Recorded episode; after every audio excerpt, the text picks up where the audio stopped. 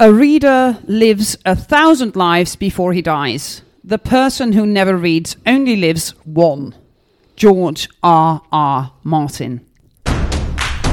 Welkom bij een nieuwe boost voor jouw missie No More Boring Learning. Dit is de Brain Bakery Podcast. Een gloednieuwe aflevering van No More Boring Learning, de podcast. En ik ben hier met Angelique Hey Jan-Peter. en met Sjane. Hi.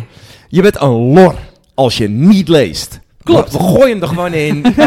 Doe een bouwtestellingname. Mensen, je bent een lor als je niet leest. Als je denkt, ja, ik lees dus niet zoveel. Je bent een lor. Ja. Daar, dat doen we niet zomaar. Daar hebben we natuurlijk onderbouwing voor. Dus we gaan het hebben over lezen. Over het nut van lezen. Over het nut van lezen voor jou als trainer. Voor je deelnemers in leertrajecten.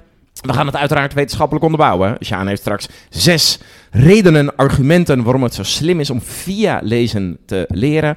En wij gaan natuurlijk, Angelique en Sjane, onze boeken delen Ja. waarvan wij zeggen, nou, als je die moet gebruiken in een leertraject, of die wilt gebruiken, of als trainer, lees dan vooral die. Dat Ja. gaan we uitleggen. We gaan ze We kort krijgen de vraag ook regelmatig. Hè, van wat moet ik lezen? Want dan heb je iets leuks gedaan in een training. En dan zeggen mensen, heb je meer? Ja. En dan vragen ze eigenlijk al meer. En als je dan niet klaar staat met een rijk leerlandschap aan films, aan boekjes, aan TED-talks, aan dingen. Dan ben je een lore. Dus lezen. Ja, precies. Ja, de vraag krijgen we inderdaad vrij vaak, ook in leiderschapstrajecten.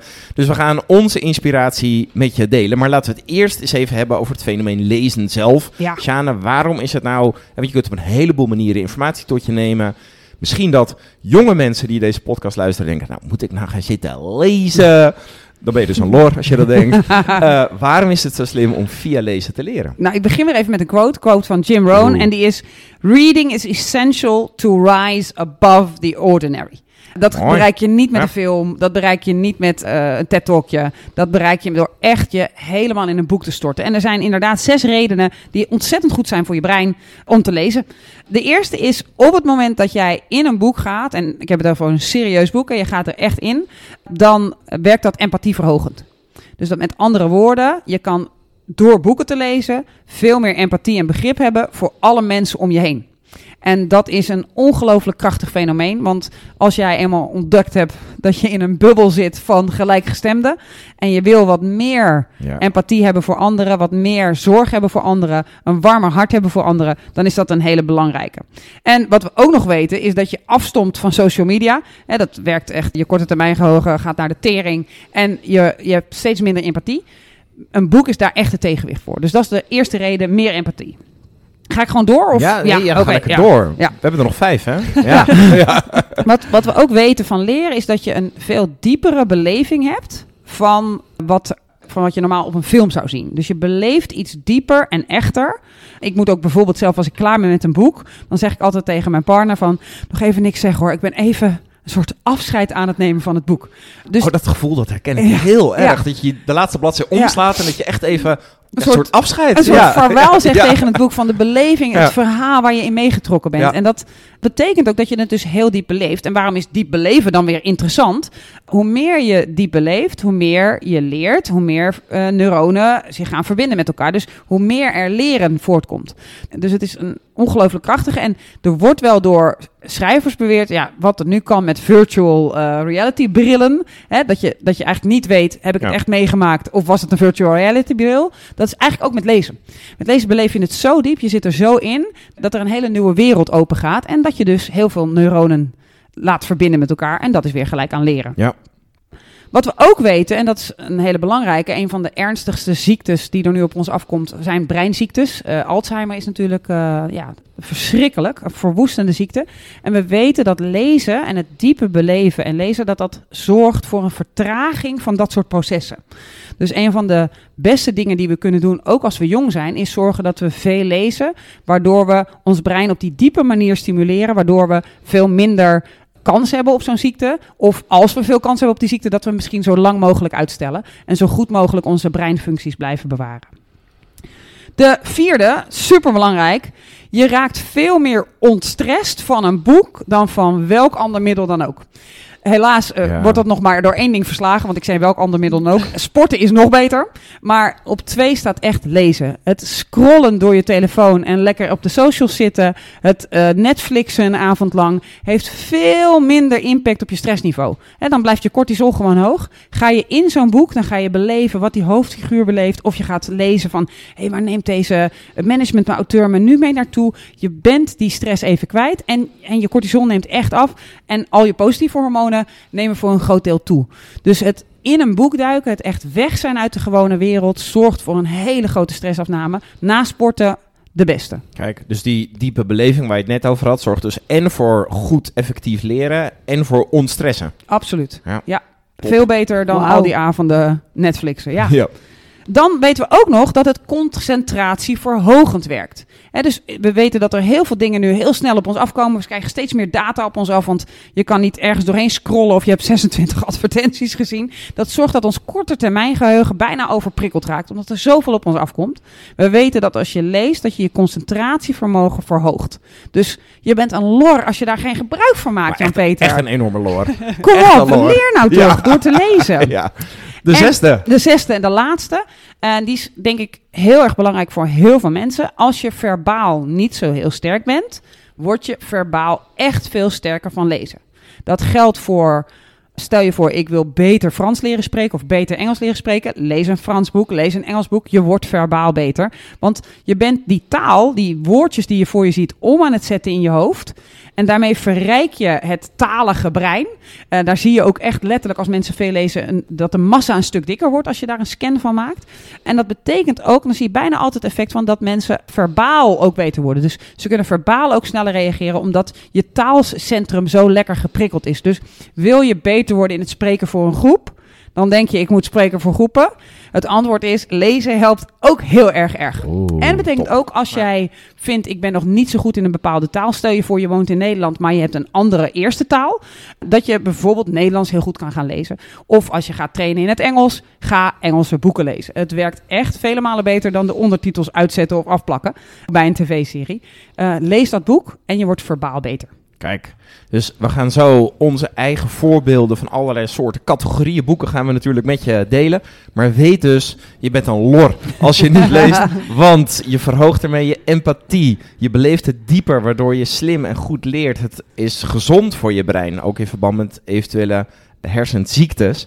Je ontstrest ervan, je concentratie wordt er beter van en je wordt er verbaal sterker door. Ja, De wetenschap is het erover eens. juist. Ja. Laten we naar de, de boeken gaan. Er zijn eigenlijk drie soorten boeken die, Ja. je, die je aan kunt raden in of rondom leertrajecten. Of natuurlijk voor jezelf als trainer. Eh, dat kunnen zijn bijvoorbeeld de managementboeken, hè, waar echt mensen een theorie uitleggen. We hebben ook gedefinieerd de crossovers. Dat is een beetje een mix tussen. Er wordt wel een theorie uitgelegd, maar dat zit ook wel in een verhaal. Of het is wat spiritueel. En je hebt de boeken, ja, daarvan zeggen wij, die brengen je helemaal in vervoering. Ja, de romans. Ja, de romans. Ja. En daar kun je ook heel veel uit leren. Ja, en we zien dat de crossover, hè, zoals we hem definiëren, dat die steeds populairder wordt. Dat de Kotters, de Lencioni's, maar ook eh, de oude rot in het vak, eh Ken Blanchard, Ja. dat die al heel vaak een boek opschrijven inmiddels een verhaaltje, waardoor je in het verhaal wordt gezogen. Het is vaak een soort, hij viel op haar en ze hadden ruzie en toch gebeurde er dit en het bedrijf ging bijna omvallen, maar ineens deden ze dit en toen ging het bedrijf het toch weer redden. Hè. Soms gaat het zelfs over pinguïns of over muizen die kaas zoeken. Maar doordat je in het verhaaltje zit, doen ze eigenlijk een soort paard van Troje naar binnen. Want indirect leer je iets en daarna trekken ze uit de hoge hoed de theorie die je hebt geleerd. Ja. En dat maakt lezen veel aantrekkelijker. Want dat is ook wel goed misschien om te weten dat de meeste... waar wordt er in, in de wereld het meest over gelogen? Dat is over hoe vaak je seks hebt. maar op twee, over hoeveel boeken je hebt gelezen. Ah, er staan kasten vol boeken bij mensen thuis. En die zijn nooit open geweest. Of misschien alleen pagina 1. Dus het crossover boek is voor heel veel mensen een hele lekkere. Dus als jij in, het, in de wereld van leren zit, denk even aan die crossover boeken en een boek wat gewoon een lekker niemandallig verhaaltje vertelt, wat heel makkelijk leest. Je gaat bij wijze van spreken één keer iets te lang naar het toilet en je hebt hem uit. Ja. Maar waar dan toch weer zo'n les in zit. Dus dat kan een hele lekkere zijn als mensen weerstand hebben tegen lezen, om dat soort boeken aan te gaan raden. ja, top. We gaan naar het eerste boek. Angelique, Ja, Ja. neem ons mee. Het eerste boek dat jij onze luisteraars aanraadt. Ja, nou het eerste boek wat ik echt aanraad, dat is het boek van Manon Ruiters, Mijn Binnenste Buiten. yes. Leuk, mooie titel. Ja, hè? Ja, ja, en waarom raad je het aan? Nou, ik raad het aan voor in ieder geval te- voor mensen die zich wel, zichzelf willen ontwikkelen. Dus echt personal development. En dat of in een eentje willen doen, of ook met elkaar. Dus bijvoorbeeld met collega's dat doen. Oké, dus je kunt er echt goed met elkaar over praten als je het samen aan het lezen bent. Ja, absoluut. Manon Ruiters heeft het echt ingezet als een praktijkboek. Dus er staan super veel reflecterende vragen in die je echt aan jezelf dus kan stellen, maar ook dus met elkaar in gesprek kan gaan. Cool. En, en wat, wat de titel intrigeert me wel, maar wat hebben mensen eraan? Wat, wat, leren mensen, wat kunnen de mensen ervan leren? Ja, nou de titel zegt het eigenlijk al een beetje. Wat het boek eigenlijk doet, is je maakt eerst een reis naar binnen toe.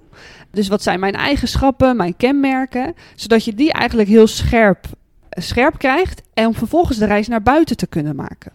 Oké, waardoor je meer invloed hebt, meer impact kan maken. Ja, exact, klopt. Super. Oké, dus dat kun je bijvoorbeeld gebruiken in, eh, in, in gesprekken die je voert binnen je organisatie. Dat Ja. soort elementen. Ja, daar kan je hem ook zeker voor gebruiken. Ik moet zeggen, ter plekke zie ik nu ook toepassingsmogelijkheden voor trainers. Kijk. Ja, Leuk. absoluut. Want inderdaad, er zitten ook echt hele mooie vragen in die je ook super gewoon in leiderschapstrajecten of in andere mooie trajecten waar personal development in terugkomt, waar je die echt ook weer mooi voor kan toepassen. Ja. Ja. Ja. dus het is eigenlijk een vertragend boek waarbij je de reis naar binnen gaat maken, waardoor je niet gelijk, oké, zo moet het, zo moet het, zo moet het, maar echt even naar binnen. Daar Ja. kennen we Manon Ruiters natuurlijk ook van met eh, Liefde voor Leren. Heel goed. Ja, precies. Nee, precies wat jij zegt, Sjane, klopt. En ehm Angelique, je hebt hem eh, zelf gelezen. Mag ik, eh, mag ik aannemen? Oh, niet liegen, niet liegen. Stond op twee, hè? ja. Ik zal niet de andere vraag stellen. Nee. Wat, heb jij zelf daar ook echt iets van geleerd? Ja, ik heb er echt iets van geleerd. Wat het boek mij heeft gebracht is dat ik eigenlijk eerst heel goed in kaart kreeg van wat is nou typisch Angelique. Om vervolgens ook, eh, wat het, het heeft ervoor gezorgd bijvoorbeeld dat ik wat meer zelfvertrouwen kreeg. Dat ik ook makkelijker nee kon zeggen in bepaalde specifieke situaties waarin ik dat dan lastig vond. Oké, Ja. goed. Dat is cool. Mooi. Ja, heel Ja. lekker. Zou ik ook wel willen. Ik Ja. ga dat boek lezen. Ja, als je doen, niet leest, doen. Ja, dan, ben je, dan ben je een lor. Als je niet leest, ben je een. En zeker als je dit boek niet leest. Nee, precies. Eh, zal ik mijn eerste boek er eens in doe. gooien? Ja, het is, nou, het is een crossover. Het is Patrick Lencioni met de vijf frustraties van eh, teamwork. Cool. En waarom raad ik deze nou aan? Nou, ik geef eh, veel leiderschapstrajecten. En talententrajecten En ook, ja. talententrajecten. En ik merk dat die voor deelnemers, maar ook voor leiders die, die zich willen specialiseren in leiderschapstrajecten, dat die super waardevol is. Maar vooral vanuit het perspectief van de deelnemer. Want als je dat boek leest, krijg je eigenlijk als deelnemer, als je als deelnemer dus leidinggevende bent, heel snel in de smiezen. Op welke aspecten doet mijn team het goed? Op welke aspecten, oeh, moet ik echt nog even aan de bak met mijn team? Het is zo'n lekker verhaal. Wat ervoor zorgt dat je heel snel in de gaten hebt. Dit zijn de onderdelen waar ik aan moet werken met mijn team. Wat cool, wat cool. Eigenlijk een beetje, Ken Blanchard die definieert die, die vier levels van, van leiding geven. Eerst leiding geven aan jezelf, dan Ja. leiding geven aan een ander. En als je dan op dat teamniveau komt, dat is natuurlijk super complex. Hoe geef je daar Ja. leiding aan? Ja. Dan helpt dit boek hen om een diagnose te stellen, waar moet ik aan werken? Ja. Cool. Ja. En wat heb je er zelf aan gehad? Nou, ik merk dat ik ben zelf ook leidinggevende geweest. Dus toen eh, was die voor mij heel waardevol dat ik echt doorhad. Oh, op dit. Nou, precies wat ik net zeg. Ik merkte dat mijn team eh, bijvoorbeeld het moeilijk vond om elkaar aan te spreken. Dat ik dat dus dan maar deed. wat denk ik heel bekend is voor, eh, voor eh, leidinggevenden, vooral beginnend leidinggevenden. En in dat boek leer je gewoon: oké, het is dit is dus een fout signaal als jij dat de hele tijd moet zijn. Dus dat was een enorme inzicht. En waar het mij heel erg mee helpt, is dus in mijn leiderschapstrajecten voor mijn deelnemers. Ja.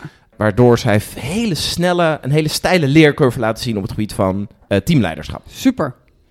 Zullen we eens naar jouw boek gaan? Ja, ik Ja. ga als eerste beginnen met een classic. Als je die niet gelezen hebt, ja, Oeh. dan ben je niet helemaal goed. Maar het is eh, Verbaal Meesterschap van Remco Klaassen. Hij komt al uit 2011, dus ja, je hebt echt tijd gehad, eh, genoeg gehad om hem te lezen.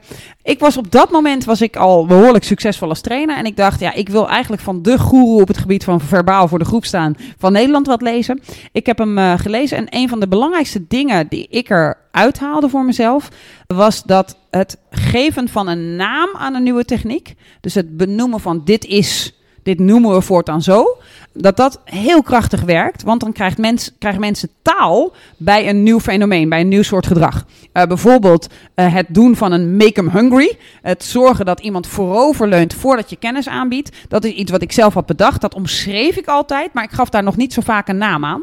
En toen ik dat bij hem las en zag hoe vaak hij dat deed, met zijn quizpol en andere dingen, dacht ik echt van, ah, dit is heel gaaf. Dus dat heb ik er vooral uitgehaald. Maar voor iedereen die regelmatig voor de groep staat als trainer. Ja, het is onmisbaar om hier geen kennis van te maken. Nog leuker is om natuurlijk eh, live bij hem te gaan zijn, want dan Ja. zie je het hem ook echt doen. Eh, maar verbaal meesterschap, ik laat hem voor de YouTube-kijkers ook even zien. Koop dat boek en lees hem. Vooral voor de trainers dus Juist, deze, ja. eh, dit advies. Angelique, jouw tweede boek. Ja, Neem ons mee. ik heb er één voor trainers en managers. Leuk. En dat in één boek. Kijk. Ja, dus het boek heet Maar je ziet er helemaal niet autistisch uit van Bianca Toeps. En het is echt een boek wat gaat, wat je kan gaan lezen of moet lezen eigenlijk als je gewoon meer diversiteit wil, eh, wil kunnen brengen en uitstralen. Ja. Ja, dus als trainer en als leidinggevende ben je natuurlijk verantwoordelijk voor mensen, voor groepen mensen. precies. Ja. Dus als je daar meer kennis over wil hebben, wat, wat voor mensen kan ik in mijn groepen hebben, Exact. raad je dit boek aan. Ja, Ja, en wat leer je daar dan eh, door, door dat boek te lezen? Ja, nou wat je leert, het, het verhaal gaat over een, eh, een vrouw met eh, autisme. En in het boek wordt eigenlijk heel mooi uitgelegd wat autisme dan inhoudt, maar ook hoe je dat er in een werksituatie uit kan zien. En wat je dus als trainer of als manager kan doen op het moment dat er iets gebeurt bij diegene. ja, Ehm, want we kunnen niet aan de buitenkant zien of iemand autistisch is, volgens mij. Dus nee, precies. moet je eigenlijk je soort je voorbereiden. Het, het is niet van, nou je krijgt nu voor het eerst iemand in de training die autistisch is. Waarschijnlijk heb je er al een aantal gehad. Dus eigenlijk moet je preventief dit boek lezen, zodat je ook die doelgroep goed bedi- bedient. Ja, precies. Nou, je zegt het heel mooi. Het is juist, je kan het niet zien. Soms denken we wel dat we het kunnen zien aan iemand, maar dat Ja. is dus gewoon niet zo. Nee. Eh, en hoe je reageert op iemand gaat gewoon heel bepalend zijn. Of die ander zich nog veilig en lekker gaat voelen. En eh, ja, dus ehm, belangrijk boek. Ja. Goed. En wat heb jij ervan geleerd zelf? Ja, wat ik ervan heb geleerd is, ik heb eh, een keer op een maandag had ik een, eh, dus dat was nadat ik het boek gelezen had. Ja. Op een maandag had ik een deelnemer in mijn groep en we waren volop aan het oefenen. En die mevrouw die raakte overprikkeld vanuit haar autisme. En dankzij het boek wist ik op dat moment wat ik kon doen en ook niet moest doen. Om te zorgen dat zij gewoon zich weer veilig voelde, lekker in de wedstrijd zat en dat ze ook weer verder kon. En Ja. wist jij van tevoren dat zij autistisch was? Of kon je dat een soort ook do- hier- doordat je het boek had gelezen inschatten?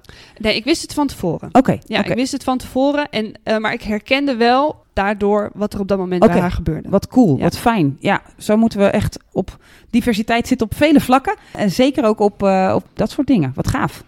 Nou, daar wil ik met mijn volgende boek wel op aansluiten, op het thema diversiteit. Want dit is een boek dat heeft mij de oogkleppen, de oogschellen ja, doen oh, ik weet welke jij gaat zeggen. Ja. Dat was echt, toen was Ook jij in voor, shock. de, voor de YouTube-kijkers, How to be an Anti-Racist Ja, van Ibram X. Kendi. ja. Ehm, ja, dit is, dit is een boek dat voor mij persoonlijk echt heel veel heeft gebracht. Eh, ik zal eerst even, waarom raad ik hem aan? Ja. Eigenlijk ook vanuit mijn eigen normen en waarden. Ik vind, dit een, ik vind dit een belangrijk thema. Ik vind dat iedereen zou moeten snappen...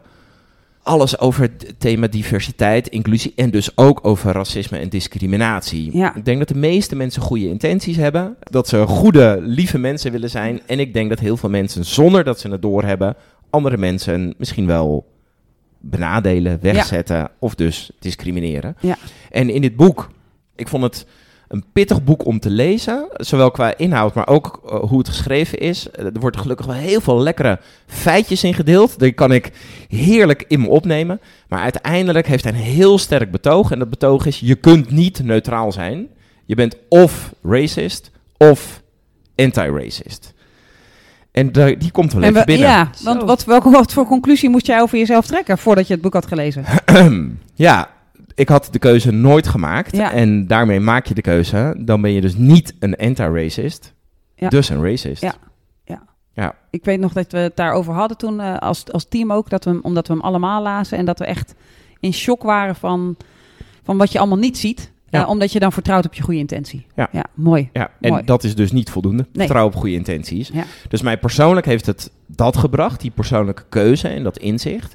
En waar ik hem hier aanraad is omdat eh, je ziet dat veel organisaties gelukkig heel erg willen inzetten op we willen diverser en inclusiever zijn.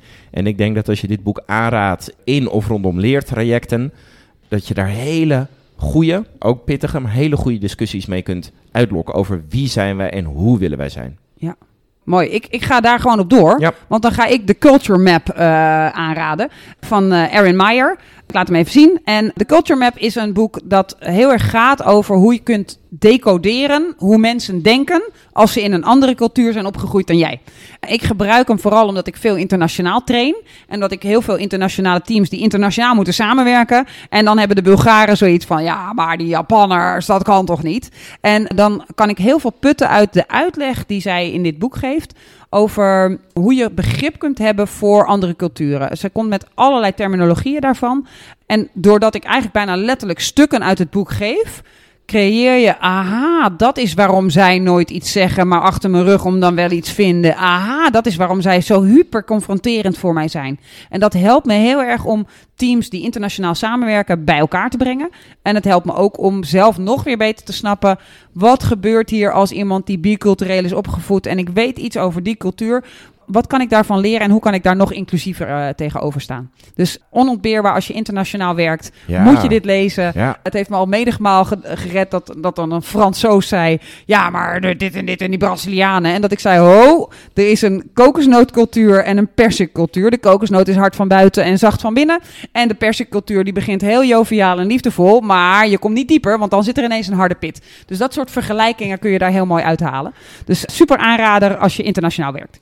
Kijk, en dit past dus ook heel bij. Je had net die zes redenen natuurlijk. De eerste was: het levert meer empathie op. Ja. Nou, daar is dit dus een fantastisch voorbeeld Ja, eh, ja, van. ja. Goed. Ja, ik heb ook nog een, eh, een boek. Ik laat hem weer even zien aan de, de YouTube-kijkers. Van Khaled Hosseini, de vliegeraar, de kite runner. Eh, ik heb hem in het Nederlands gelezen. Wat een hit. Ja, ja. enorm populair boek. Ik denk dat heel veel mensen hem kennen. Hij is natuurlijk ook verfilmd. Ik denk dat dit een boek is dat staat het verste af van een managementboek. Ja. Ik kan me voorstellen dat als je dit aanraadt rondom een leertraject of, of zelf als trainertje denkt, ja, het is een prachtig boek, maar ja, waarom nu? Ja. Het is natuurlijk een, behalve een prachtig, meeslepend verhaal, is het uiteindelijk een bijna soort filosofische discussie kun je erover hebben over normen en waarden, over het verschil tussen je kunt intenties hebben met je acties, Ja. maar je bent verantwoordelijk voor de resultaten van je acties. Dan kun je nog zulke goede bedoelingen hebben. Ja.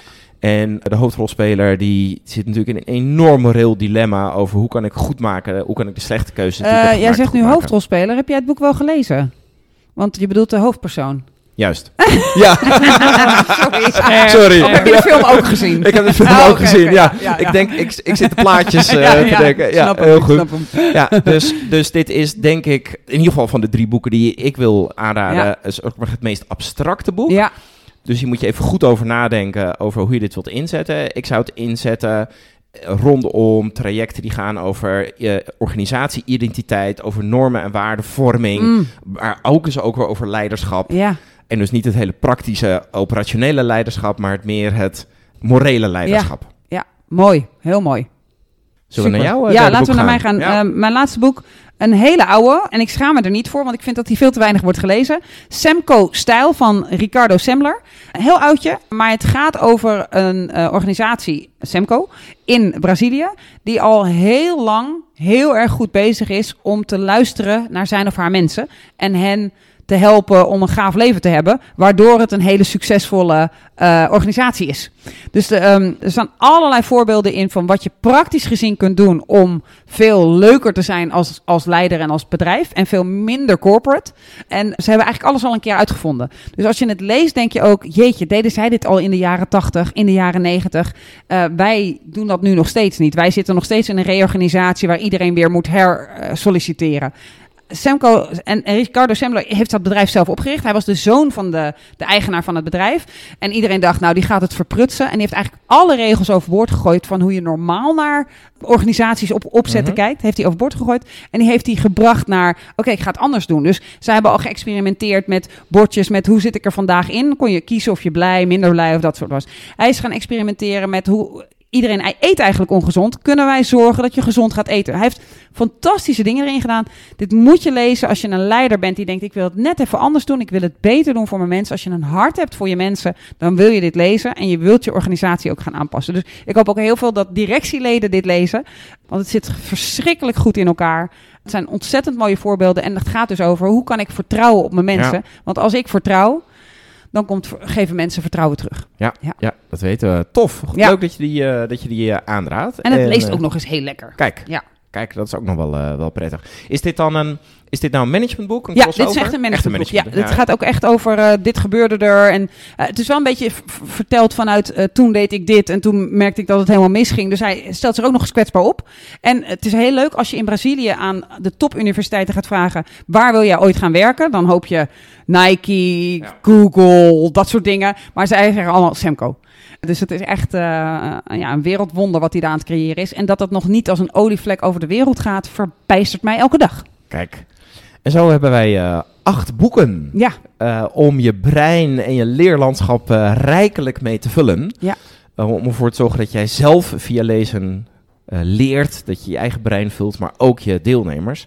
Want En ook dat je, dat je ook zorgt dat je van. Dat is nog een oproep die ik wilde doen. Sorry Ja. dat ik je onderbreek. geeft niet. Maar bij het creëren van een leertraject wil je niet wachten tot iemand vraagt: heb jij nog een boek of heb jij nog een film? Maar je wil van tevoren bedenken: bij dit thema horen deze boeken. Dus op je social eh, learning platform wil je die boeken ook promoten. En je wil ze ook meenemen en neerleggen. En misschien ook wel een hoofdstuk voorlezen, zodat mensen getriggerd raken om te lezen.